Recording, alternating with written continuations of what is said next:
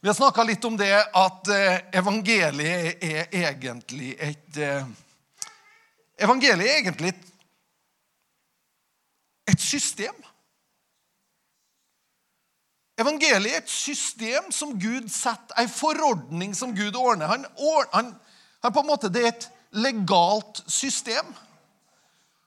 For frifinnelse, for opprettelse, for godhet over menneskeliv. Det fins en legal pris betalt for det systemet. Det fins på en måte Det er en kontrakt som er inngått på dine og mine vegne. Det fins en løsepenge som er betalt for oss. Det fins et system som er laga for din og min frifinnelse. Og det systemet kalles evangeliet. Og det høres kanskje litt finere ut når vi kaller det evangeliet, men det er egentlig et legalt system som Gud sørga for for din og min del. Og ikke bare for din og min del, men for hele verden. Så han inkluderer hele verden i dette systemet. Så når Jesus dør på korset, så står det at han tar all verdens skyld på seg. All verdens fornedring tar han på seg. Han bærer det opp på korstreet for at du og jeg skal kunne gå fri. Og dette systemet legges til grunn i våre liv. System det høres litt sånn rart ut. Men det Jesus gjør for oss, det legges til grunn i våre liv. Og Paulus, Hør hvordan Paulus beskriver det. Paulus beskriver det på denne måten i 1. Korinterbrev, det tredje kapittelet, vers 10-12. Etter den Guds nåde som er meg gitt, har jeg lagt grunnvollen som en vis byggmester, og en annen bygger videre på den. Men enhver skal se til hvordan han bygger videre. For ingen kan legge en annen grunnvoll enn den som er lagt. Det er Jesus Kristus. Men om noen på denne grunnvollen bygger med gull, sølv og kostbare stener, eller med tre, høy og strå Det blir på en måte opp til hver enkelt av oss.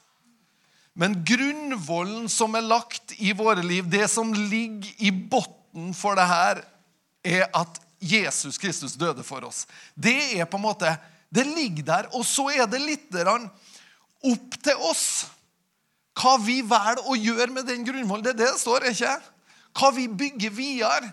Hva vi på en måte lar prege livet vårt, hva vi lar være det som blir utfallet i våre personlige liv. Jesus Kristus er grunnvollen, vil Si frelsen, det at du og jeg er evig frelst. Vi er frelst, vi er på vei til himmelen. Wow! Det er lagt som en grunnvoll. Det kan ingen gjøre noe med. Men du og jeg bestemmer sjøl hva vi bygger oppå det. Vil vi da fortsette å bygge med Guds visdom, Guds tanker, oppe på den grunnvollen som legges i livet vår? Eller syns vi det er tryggere og bedre å bestemme litt sjøl og, og liksom ta det litt sånn som det passer inn for vår egen del? Eller tør vi å gi oss over og tenke at han som ikke engang sparte sin egen sønn for oss, hvordan kan en annen enn å gi oss alt annet sammen med han? Sånn at Gud han på en måte Fra Faderens side så er han sånn at han bare lengter etter å vise oss alt det gode han har for hver enkelt av oss. Og ikke bare hver enkelt av oss, men hver enkelt av alle mennesker. Så lengter han etter å vise sin overveldende store rikdom i godhet. Det er Faderens hjerte imot alle dine naboer, imot alle dine kollegaer imot alle dem du kjenner, og dem du møter, og imot alle våre liv. Men du og jeg, vi stilles på en måte litt sånn fri, da. Alle mennesker stilles fri. Jeg har venner som jeg har kjent som eh, Som ikke er iblant oss lenger. Som har tatt imot evangeliet men der de faktisk ikke har makta av tunge tilfeller av rusavhengighet, så har de ikke makta å fått seier over rusen. Men evangeliet har de tatt imot. Sant? Men har ikke klart liksom å tatt imot friheten fullt ut i livet. Og det er trist. Og det blir så tydelig når det er sånn. Det blir så veldig tydelig for oss når det er sånn. Fordi at eh, når jeg snakka med vedkommende Hun var ei dame, så hver gang jeg snakka med henne, så var hun så begeistra for Jesus og det Jesus har gjort. Men allikevel så bar hun på bunnenhet i eget liv som hun sjøl ikke makta over. Skjønner du? Og jeg tenker at det var tydelig med henne, men med oss så vises det ikke så godt. Det vises ikke godt for min og din del når vi på en måte er Når vi liksom lever litt sånn ryddige, pyntelige og pene liv. Og vi tar på oss skjorta på søndag, og vi, vi ser fine ut. Og det trengs ikke heller at det vises. For spørsmålet er hva kjenner du og jeg til? Og hvordan kan Gud lokke oss ut i den friheten han har for oss i hele våre liv? Hvordan kan vi ta imot den friheten? Hvordan kan den friheten bli etablert i våre liv? Sånn at vi bygger faktisk videre livet vår. På det grunnlaget som ligger der, så bygger vi videre med det gode som Gud har for oss. Hør her hva som står i Romerbrevet, det 15. kapittelet. Skal vi lese de seks første versene? For det er mye vi kan lære, og i hvert fall i vår eh, individualistiske tid. Der vi egentlig er alle sammen er nesten litt sånn henvist til å være vår egen lykkes med. Og det tror ikke vi skal være i Guds menighet. Jeg tror vi skal våge å være litt avhengig av hverandre. Våge å være litt, litt sårbar, litt avhengig av at det er noen andre som kommer opp på sida av oss og sier at du, jeg har tro på det. Jeg har tro på at det skal gå bra, det her. Jeg tror Guds menighet skal få lov å være en litt annen plass enn at ok, nå er jeg blitt frelst, nå skal jeg vise alle sammen hvor åndelig jeg er, eller hvor, hvor, liksom, hvor vellykka jeg kan bli i det å gå med Gud. Nei, vet du noe? Det er en annen mekanisme i Guds menighet, og den står beskrevet her. Vi som er sterke, vi skylder å bære skrøpelighetene hos dem som er svake. Og ikke bare være oss sjøl til behag, Enhver av oss skal være til behag for sin neste. Til gagn og oppbyggelse for Han. For heller ikke Kristus levde seg selv til behag, men som det står skrevet, hånsorda fra dem som håna det, falt på meg.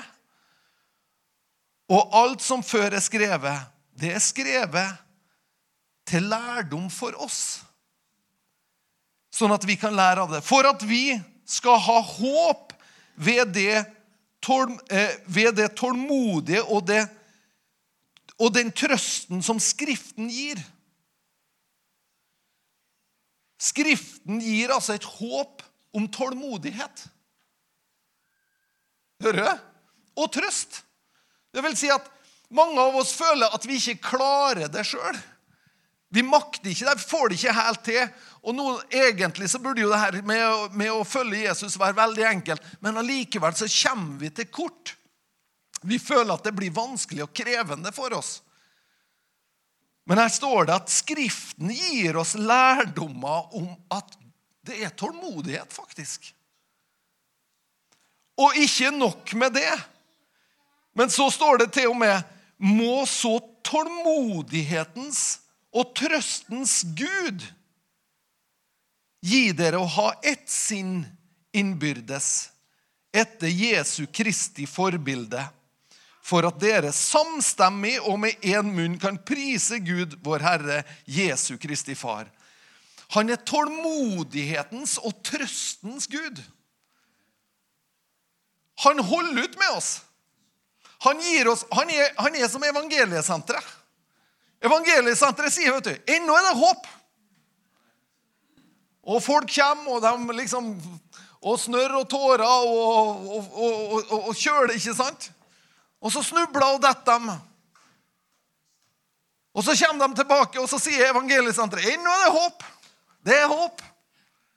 For det er håp av oppreisning. det er han trøster oss, han styrker oss, han gir oss på en måte det her Yes, come on! Og så står det at vi skal bære hverandres skrøpeligheter. Det betyr at vi skal stille oss ved sida av hverandre og, si, og tale godt til hverandre. Og heie på hverandre og si at det kommer til å gå bra med det. Jeg har tro på det. Jeg har tro på at det som bor i det, det skal seire over det her. Skal reise seg i styrke og i kraft. Alt det gode Gud har for det, kan du få lov å erfare. Men det som er så lett på en måte, og kanskje også er litt sånn som vi har ei historie på fra Guds menighet, det er at eh, når noen kommer inn midt iblant oss, da, så har vi på en måte litt sånn eh, Oi, hva er det her for noe? Eh, det her er krevende, det her er vanskelig, det her er uff og uff. Og så blir på en måte det fellesskapet som egentlig skulle være et håpets og trøstens fellesskap, et oppløftende fellesskap, blir isteden et krevende og fordømmende fellesskap. Der vi på en måte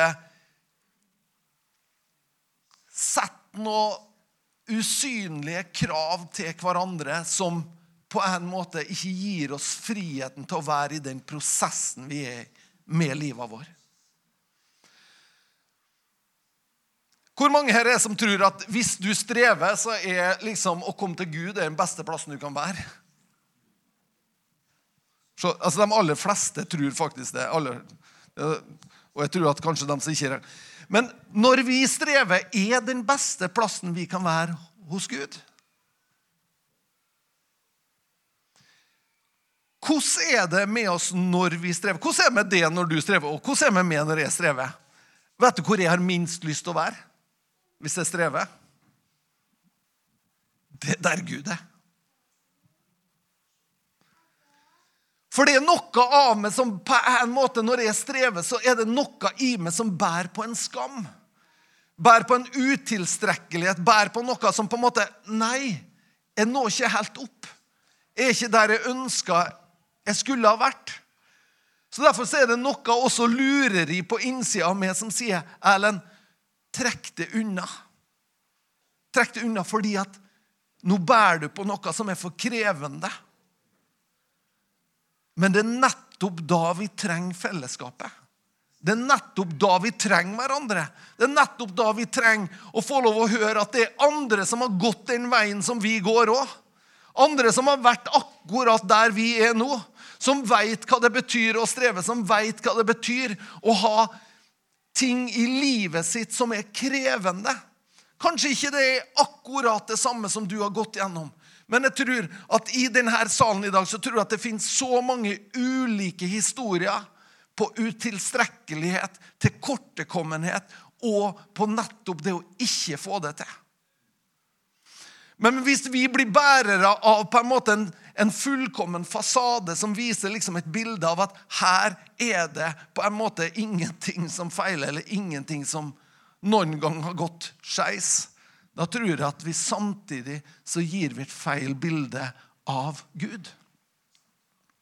For Gud, han er tålmodighetens og trøstens Gud.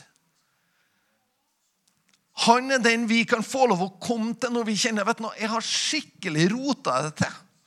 Er det noen som har skikkelig rota etter noen gang?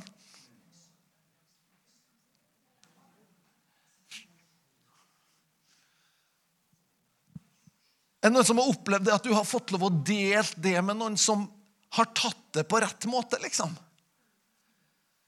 Og delt det med noen som ikke har liksom rakka ned på det eller fordømt det eller lagt tyngre byrde på det. Ikke gjort det redd, ikke gjort det skremt, men på en måte kommet og sagt at du, det her ordner seg. Det her ordner seg. Og Har vi ikke da opplevd hvor, hvor helbredende det faktisk er? For på en måte så er det vi strever med, det noen ganger så er det sånn at åh, jeg har så lite lyst at det her skal fram i lyset. Jeg har så lite lyst å åpne denne skammens skuffe eller det her elendigheten i mitt liv. Jeg har så lite lyst til å åpne det. Men så er det nettopp i det her motet med å åpne det vi også finner helbredelsen. Vi også finner muligheten til å reise oss. Muligheten. Jesus sier til fariseeren i Johannes er bare en kort setning. Han sier det er fantastisk. Dere dømmer etter kjødet. Dere dømmer etter kjødet. Og så fort er vi akkurat sånn som fariseerne. Vi dømmer hverandre etter kjød. Vi dømmer etter det vi ser. Vi dømmer etter det på en måte vi, som er tydelig foran oss. Så sier Jesus så befriende, 'Jeg dømmer ingen'. Dere dømmer etter kjødet, men jeg dømmer ingen. For Jesus kom ikke til verden for å dømme verden. Men han kom til verden for å frelse det som var fortapt. Han kom for å løfte det som var fortapt. Han kom for å løfte mennesker opp. Han kom til oss med redning. Han kom ikke for å dømme oss. Og så gir Bibelen oss den samme oppskrifta hvis vi går til Matteusevangeliet, det sjuende kapittelet. Og nå skal vi lese noen vers. Går det fint at vi leser noen vers nå?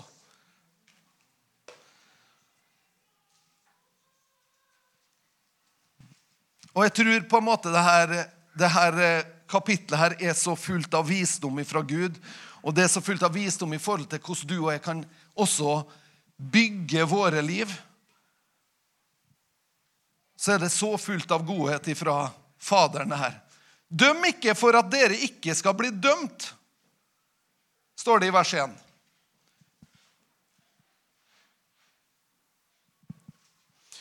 For med den dommen dere dømmer, skal dere selv dømmes. Og med det målet dere måler, skal dere selv bli tilmålt. Så det er noe med det på en måte at når vi er raskt ute, da, og på en måte dømme noen andre, så er det litt som Bibelen sier, at det vi sår, det kommer vi også til å høste. Jeg vet ikke om det er det som er det, men noen ganger så har jeg kjent med meg sjøl at eh, noen har fortalt meg en historie, og så har jeg nesten vært raskt på og vært klar til å kaste den første steinen. Fordi at noen har gjort noe som jeg syns var gale. ikke sant? Så noen gjort noe som på en måte Og så, så lett er det for oss at når noen nok, gjør noe som er helt utenkelig for oss, da er vi klare til å kaste stein. Da er vi klare liksom, til å kaste stein. Helt til Jesus spør oss liksom Ja, den av dere som er uten synd, kan jo bare kaste den første steinen. Og så plutselig så går det en ransakelse gjennom livet mitt, og så veit jeg at jeg tror jeg legger ned den steinen. Sant? Jeg tror jeg legger den litt sånn forsiktig ned her. Og, så, og når, når historien står, står det at da, da gikk de bort. En etter en. De eldste først. Det vil si de med mest livserfaring, de med mest selvinnsikt. De gikk først. For du skjønner at Det er noe med oss når vi er unge. Da blir vi så fullkomne, vet du, og vi er så feilfrie. og vi er så... Men når man har levd en stund, så vet man det at det er faktisk slettes ikke. Jeg vet faktisk såpass mye at hadde det ikke vært for Guds nåde, så hadde det vært ute med oss. Sant? Så vi må Ønsker vi at mennesker skal være rause med oss? Da må vi måle opp med rause mål imot andre. da. Da må vi bruke rause mål imot andre mennesker. Da vi kan øse opp med rause mål og si at vet du noe, det her kan du få hjelp med. Det her kan du styrke', si. Ta imot Guds nåde, ta imot hans sin legedom og oppreisning. Hvorfor ser du flisen i din brors øye, men bjelken i ditt eget øye? Blir du ikke var? altså For et bilde, ikke sant? Så tenkte jeg at Du legger merke til at noen har flis på, på øyet, ikke sant? og der går du. Hæ? Du har liksom en, det, står, det er en bjelke, så det er tort om fire som står ut her, og du liksom Hei, du, la meg hjelpe deg med dunk! La meg hjelpe deg med, med flisa. Liksom. Og det er liksom dunk. Hva er alltid som kommer i veien her? Dunk, dunk. Nei, jeg går og bærer på en bjelke i mitt eget øye. Så det er liksom Altså, hva er det? Men er vi, altså, er vi ikke litt sånn? Altså, vi eh, Litt banalt eksempel, da. Eh, altså, men det er litt sånn at når vi ser andre mennesker gjøre noe, da dømmer vi dem ut ifra deres gjerninger. Mens når vi, når vi dømmer oss sjøl, så dømmer vi oss sjøl ut ifra våre intensjoner. Sant? Altså hvis, hvis, folk sier at de skal gjøre noe, og de ikke gjør noe, så blir vi irritert på dem, og så sier vi at å, han der altså, han gjør aldri det han sier. Mens hvis vi sjøl sier at vi skal gjøre noe, og vi ikke gjør det, så sier vi ja, men jeg hadde tenkt å gjøre det, men så vi dømmer oss sjøl ut ifra intensjonene vi har.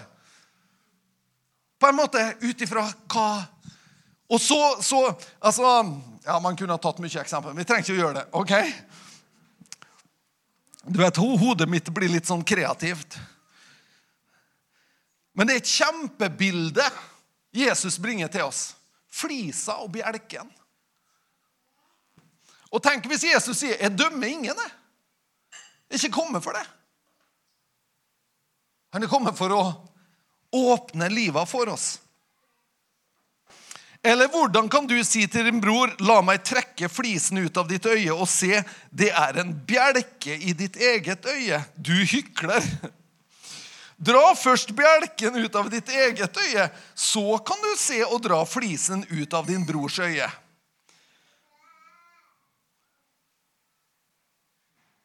Gi ikke hundene det hellige, og kast ikke deres perler for svin. De vil bare tråkke dem ned med føttene sine og snu seg mot dere og rive dere i stykker. Det er kanskje et bilde på at vet du det som er dyrebart for oss Det som på en måte er som vi bærer på, som er kanskje også av sårbarhet, som er som er på en måte litt sånn krevende i våre egne liv. da. Vi skal ikke kaste ut for hvem som helst. Så det vi sier, Når vi sier at ja, men kan vi være åpen, kan jeg være åpen med det, det jeg bærer på, da? Det, kan jeg være åpen? Kan jeg åpne skuffa? Vet du, jeg tror ikke du trenger faktisk å åpne den til hvem som helst. Jeg tror ikke du trenger å åpne det til hvem som helst men noen som er troverdig. Noen, noen som kan bli det til hjelp. For ellers kan det plutselig bare være noe som er ute der, og så blir det brukt imot det isteden. For noen ganger når vi bærer på vår egen sårbarhet, når vi bærer på vår egen smerte, så er det på en, på en måte sånn, så er det sånn Tørre å dele det her? Tørre å dele det her? Kan jeg stole på det? Er du troverdig? Eller vil du bruke det her imot meg? Jeg vet ikke om du noen gang har hørt noen som har sagt noe sånt her. Jeg syns det er forferdelig, men Det er kanskje noen som har hatt en nær relasjon til noen for ei tid tilbake. Og den gangen betrodde de noe til den personen. Men nå er vennskapet over. Og det kommer avstand imellom. Så plutselig blir den betroelsen til noe som brukes imot. Ja, ja, du skal bare vite hva hun fortalte meg. Ja, nei, det så ikke så bra til dere i gården heller. For plutselig så har vi privilegiet av å sitte på noe som er egentlig troverdig delt. Vet du nå? Vet du hva karakter er? Karakter er å kunne bære ting. Om så folk vender seg imot det, så har du ingen behov og ingen rett til å åpenbare hemmeligheter. Ting som er gitt deg i fortrolighet. Du har ingen rett til å dele det. Samme om vedkommende vender seg imot det. Integritet og karakter er å kunne bære det. Det er å vise styrke. Det er å vise mot. Å kunne våge å sitte inne med ting. Kunne våge å bære på ting. Kast ikke perler for svin. Og jeg tenker enda mer, da. La oss ikke være svin. La oss ikke være svin i relasjonene våre. La oss være troverdige overfor hverandre. Og så sier Jesus, be, så skal dere få let, så skal dere finne. Bank på, så skal det bli lukket opp for dere. Og Hvis vi bare tenker det her inn i den konteksten vi nå snakker om Ja, det er fortvila. Ja, det er liksom, det er ikke alt som er på plass. Det er ting i livet mitt. Men du, vi ber. Så får vi. Vi leter etter løsningene. La oss begynne å leite etter løsningene. Vet du hvordan det ser ut når jeg leter etter løsninger? Jeg, jeg, jeg kan lese ei bok om noe. Det er å leite etter løsninger. Jeg ber til Gud. Kjære Gud, hjelp meg med det her. Hva er løsninga? Jo, jeg kan leite, jeg kan ta til meg kunnskap. Jeg kan snakke med noen som har peiling om det. Det kan være å leite. Ikke sant? Og når vi leiter, og jeg leiter også i bønna, så leiter jeg også på innsida. I bønna leiter jeg på innsida etter det Gud har gitt meg. For det står at når vi ber, så får vi, står det. Be, og dere skal få, og det skal bli gitt dere. Har du lest det noen gang? Det er litt sånn uh, trippel. Be, og du skal få, og det skal bli gitt deg. Det vil si at når vi ber, så får vi vår frihet. Da får vi det liv som Gud deler med oss. Men det skal bli gitt oss når vi oppdager hva det var han ga oss. Ikke sant? Så vi kan be for vår frihet, og det blir gitt oss der og da. Men vi trenger fortsatt å oppdage hvordan den friheten skal leves ut. Hvordan det skal bli en del av våre liv. For hver den som ber, han får. Altså, hver den, Står det 'hver den som ber' i din bibel? Eller står det 'annenhver'? Står det 'annenhver den som ber, han får'? Hver fjerde har vi den Kristiansundsbibel baki der. Hver fjerde Nei, det står 'for hver den som ber, han får'. Og den som leter, han finner, og den som banker på, skal bli lukket opp for. Hva om vi kunne vært sånn Wow, det her er litt sånn skattejakt, faktisk.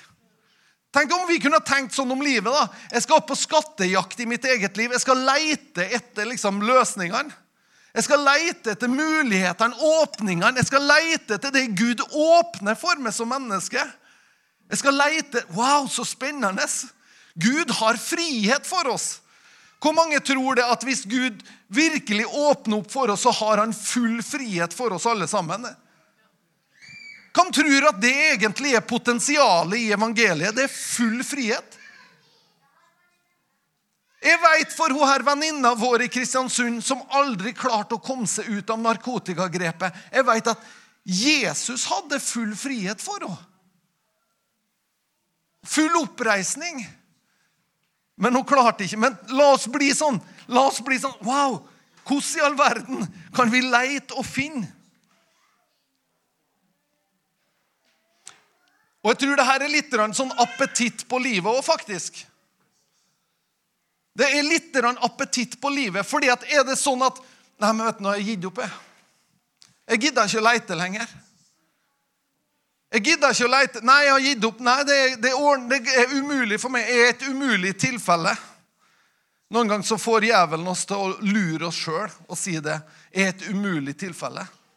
Det går sikkert ikke for meg. Det er løgn. Det er løgn. Det er ikke fra Gud. Men da mister vi litt appetitten på livet. Vi mister denne nysgjerrigheten på ok, hvordan kan det her se ut for min del. Hvordan ser min frihet ut? Hvordan ser min oppreisning ut? Hvordan ser det ut når jeg er oppreist? Hvordan ser det ut når skamskuffa er tømt? Hvordan ser det ut som menneske? Hvordan ser det ut som ektefelle? Hvordan ser det ut som medmenneske? Hvordan ser det ut som arbeidskollega? Så blir vi, blir vi nysgjerrig på livet som Gud faktisk har mulighet til å åpne for oss. Sånn at vi bygger oppå det grunnvollen som er lagt. Vi bygger med gull.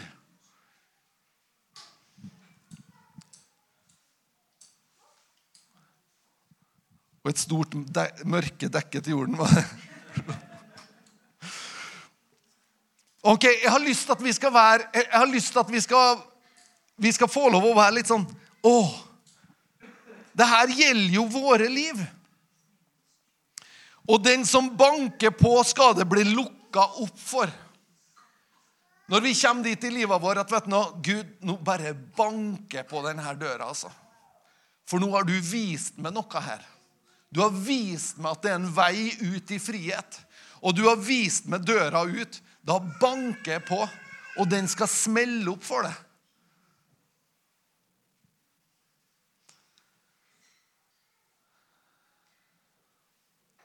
Derfor Alt dere vil at menneskene skal gjøre mot dere, gjør det også mot dem. For dette er loven og profetene. Jesus drar det ned og så sier han at konsentratet av det jeg sier, det er på en måte at det du vil at andre skal gjøre imot det, gjør det imot dem. Og ønsker vi egentlig at andre mennesker skal være forutinntatt eller dømmende overfor oss? Vi ønsker ikke det. Ønsker vi at andre mennesker skal tenke når vi kommer 'Han der typen der'? Hæ? Vi ønsker egentlig ikke det. Vi ønsker egentlig at mennesker, når de ser oss, så ønsker vi egentlig at de skal være åpne. At de skal 'Oi, der er han. Oi, så spennende.' Er det ikke egentlig sånn vi ønsker at mennesker Når du kommer på butikken, så ønsker du liksom ikke at folk tar neste reol, liksom. Å, der kommer hun. Eller der kommer han. Å, han der, altså. Vi ønsker egentlig at mennesker skal være der at Oi, der kommer hun. Så spennende. Vi ønsker egentlig å bli møtt med åpenhet. Med nysgjerrighet.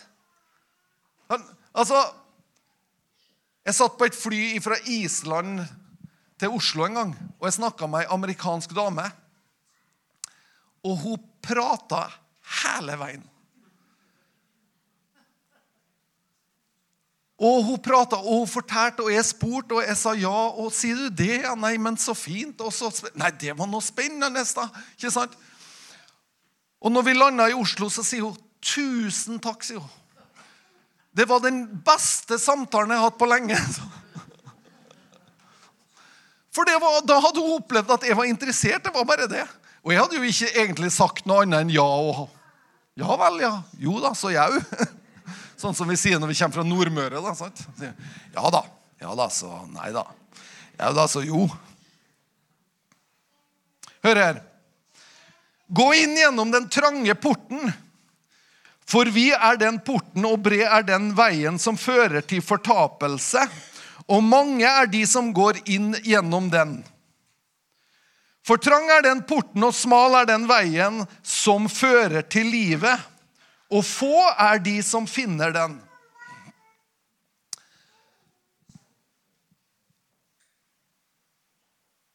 Dette er et, på en måte et stort alvor. Fordi at den porten som fører inn til livet for det og meg, det er kanskje ikke mainstream. Altså Det betyr at visdommen i det Gud vil vise deg, ligger ikke i det alle andre gjør.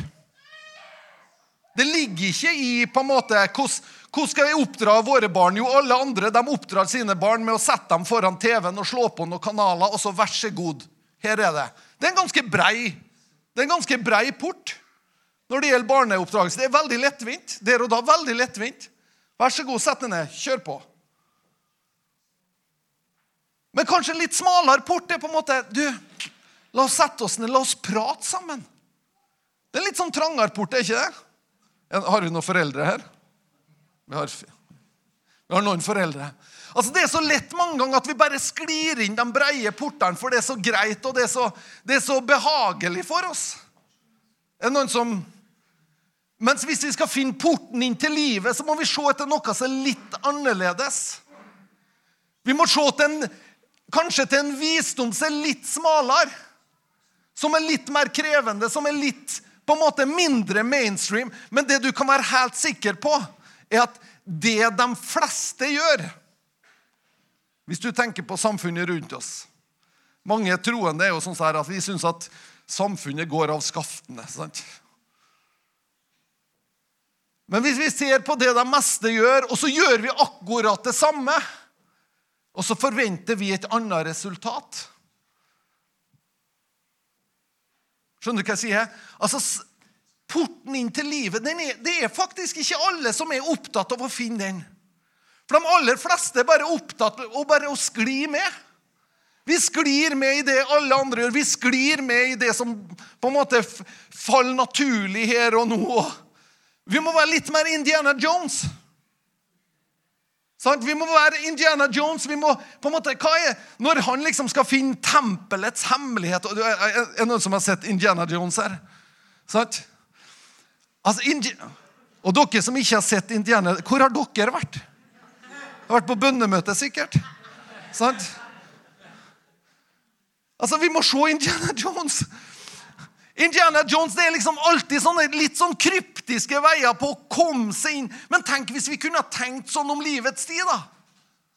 Tenk om vi kunne tenkt litt som Indiana Jones. Det her skal jeg finne ut av. altså. Jeg skal finne ut det fins en vei inn til livet her. Det fins altså en port inn til livet. Det fins liksom en måte å komme seg inn her på. Om vår hverdagsnysgjerrighet kunne ha vært litt der, da. Og så har vi liksom strekt oss etter det som Gud har for oss. Gud, hvor vil du? Hvor er visdommen lede inn her i dette spørsmålet? Går det an å tenke sånn? Går det an å tenke sånn at Gud faktisk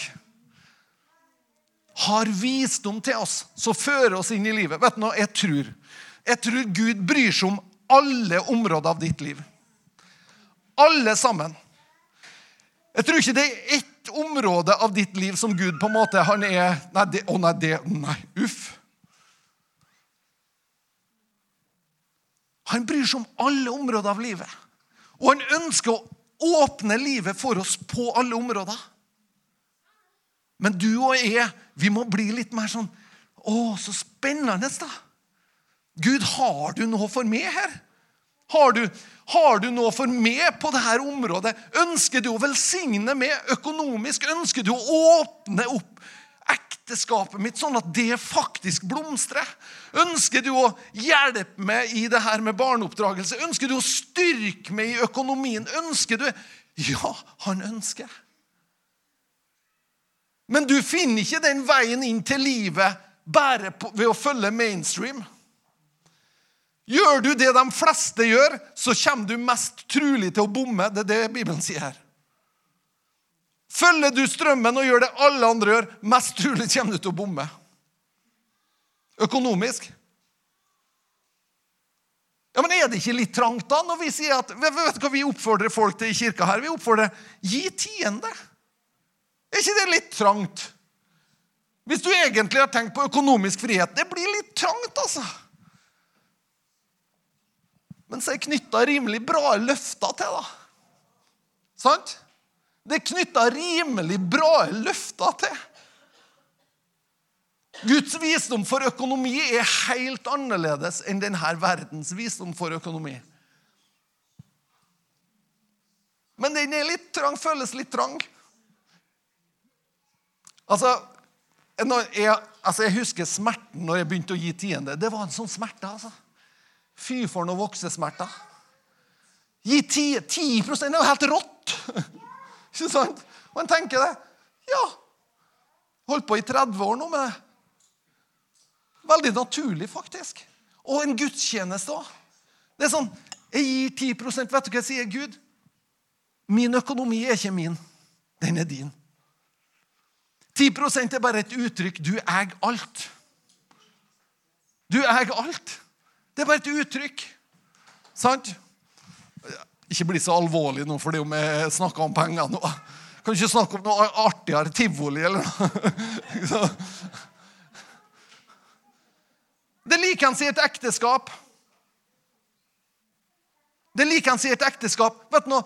Noen ganger så oppleves det å være ærlig det oppleves litt trangt. Mener du at jeg skal være ærlig med hvordan jeg egentlig har det? I ekteskapet, liksom? Ja, vet du noe. Det oppleves litt trangt. Det er kanskje ikke de fleste gjør. Kanskje de fleste sier men det er greit Det er greit med å kjøre litt sånn eh, doble løp eller liksom litt sånn hvite løgner. og Det er greit liksom å holde litt tilbake, og det er greit å Men Gud velsigne deg når du tør å være ærlig. Det er kanskje ikke lenger heller mainstream å være trofast.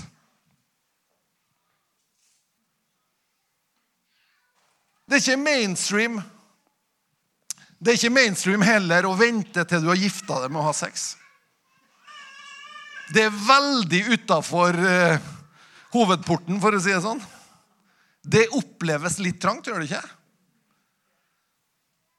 Kan oppleves litt trangt.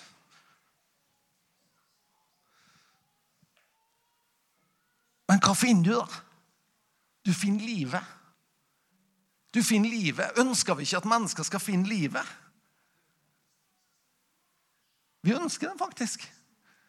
Og Da kan vi jo tenke om oss sjøl at nei, men du skjønner at Gud, vet du, du er jo så gammeldags. Du er jo fra evighet av. Du er jo skikkelig gammeldags. Du skjønner at nå, Gud, nå må du bare ta med ro. Altså, når det gjelder mellommenneskelige relasjoner, og i hvert fall når det gjelder liksom, det seksuelle, da, så er det jo klart at du henger litt etter Gud. Ærlig talt. Tror vi det? Tror vi at Gud henger etter? Vi tror vel egentlig at Gud har ganske bra peiling på det å være menneske. Han ble det sjøl. Sant?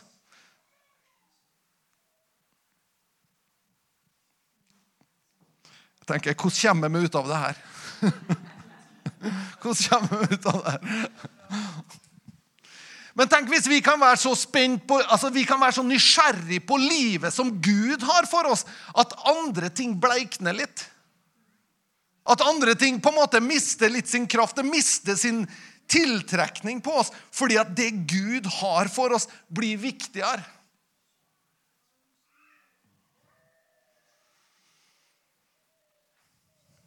Vi trenger å styrke hverandre. Vi trenger å løfte hverandre. Hør her. Jeg skal avslutte i 1. Korinterbrev 4.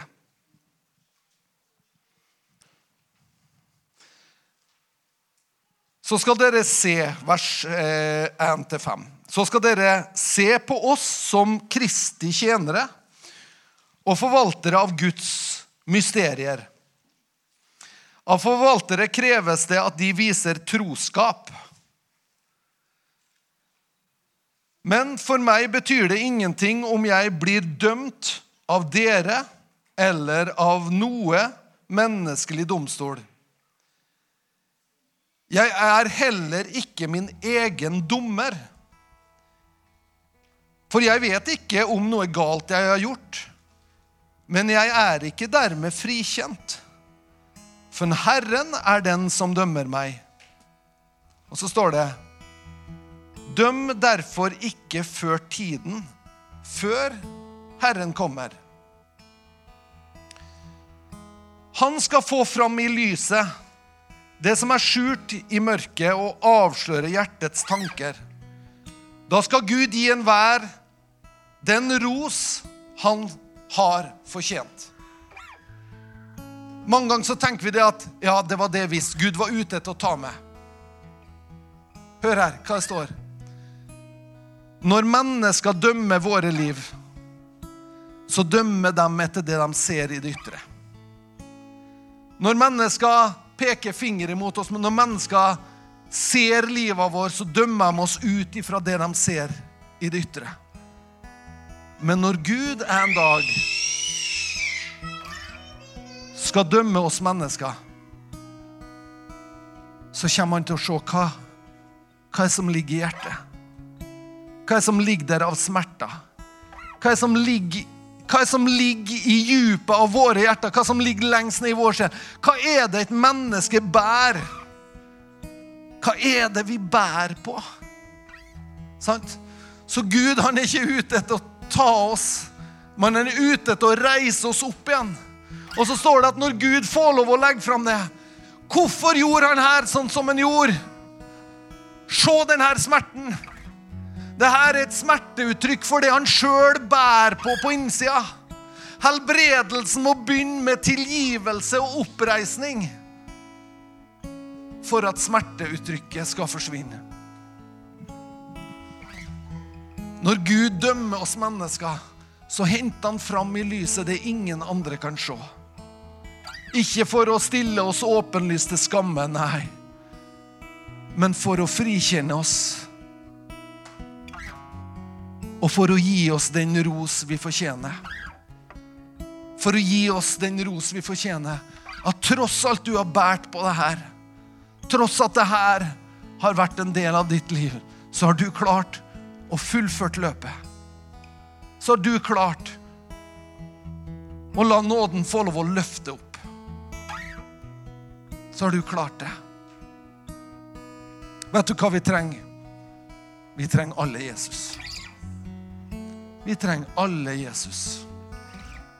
Vi trenger at han får lov å ta oss i handa. At han får lov å si, 'Kom, gå med meg'. Kom. Gå i åk med meg. Jeg skal vise deg nådens upåtvungne rytmer. Skal vise deg hvordan det er å gå. Du skal få hvile for, for strevet ditt. Han inviterer oss. Det er kanskje ikke mainstream å takke ja til Jesus, men vi er avhengig av ham for at han skal løfte oss opp som mennesker. Kan vi ikke bare stå opp sammen?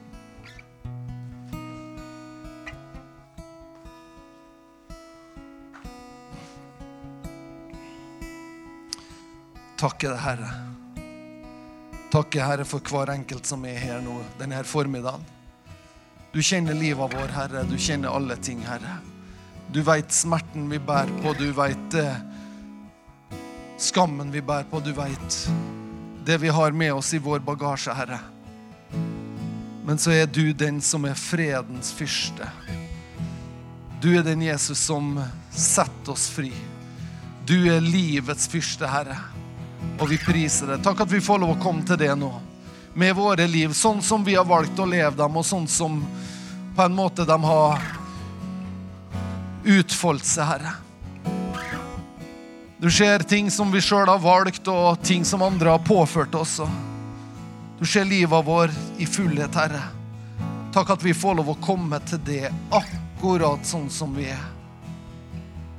Med våre feil, med våre nederlag, med vår egen tilkortekommenhet, så får vi lov å komme til det, Jesus, og erkjenne det at først og fremst så trenger jeg å møte det.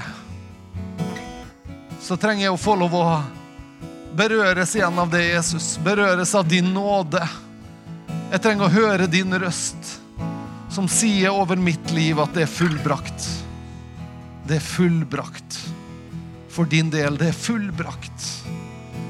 Det er gjort ferdig. Ta imot. Kom og drikk. Kom og drikk av frelsens kilder, uforskyldt og ufortjent. Ta imot av Hans nåde. Ta imot av det liv Han har å gi. Han er døra inn til livet. Han er porten inn til livet. Han er døra inn til livet. Takk, Herre, for din godhet. Og så bare ber jeg også, Herre Jeg ber om at vi som har tatt imot det, som har fått frelsen som grunnvoll i våre liv, Herre At vi skal våge å ha mot til å leve det livet ut. Og bygge det livet med gull, med edelstener, med sølv, Herre, med det som er kostbart, det som er givende, det som er livsbejaende og byggende, Herre. I stedet for det som ikke holder mål. Jeg ber om det, Jesus. Kom inn med nåde til oss, Herre. Takk at du betjener hver enkelt nå, Herre. Takk at du betjener ved din ånd, Herre. Så betjener du, Herre. Takker for din godhet, Herre. Og jeg takker deg for din godhet, Herre. Takk at vi får lov å stå inn for det med livet vår, Herre. Og så bare ber vi, Herre. Kom, Herre. Skyll over oss med din nåde. Løft skammen av oss, Herre. Løft fornedringa av oss, Herre. Takk, Herre, for nye begynnelser, nye muligheter. Takk for din godhet, Herre. Takk for din nåde over oss, Herre. Takk for livet vår, Herre.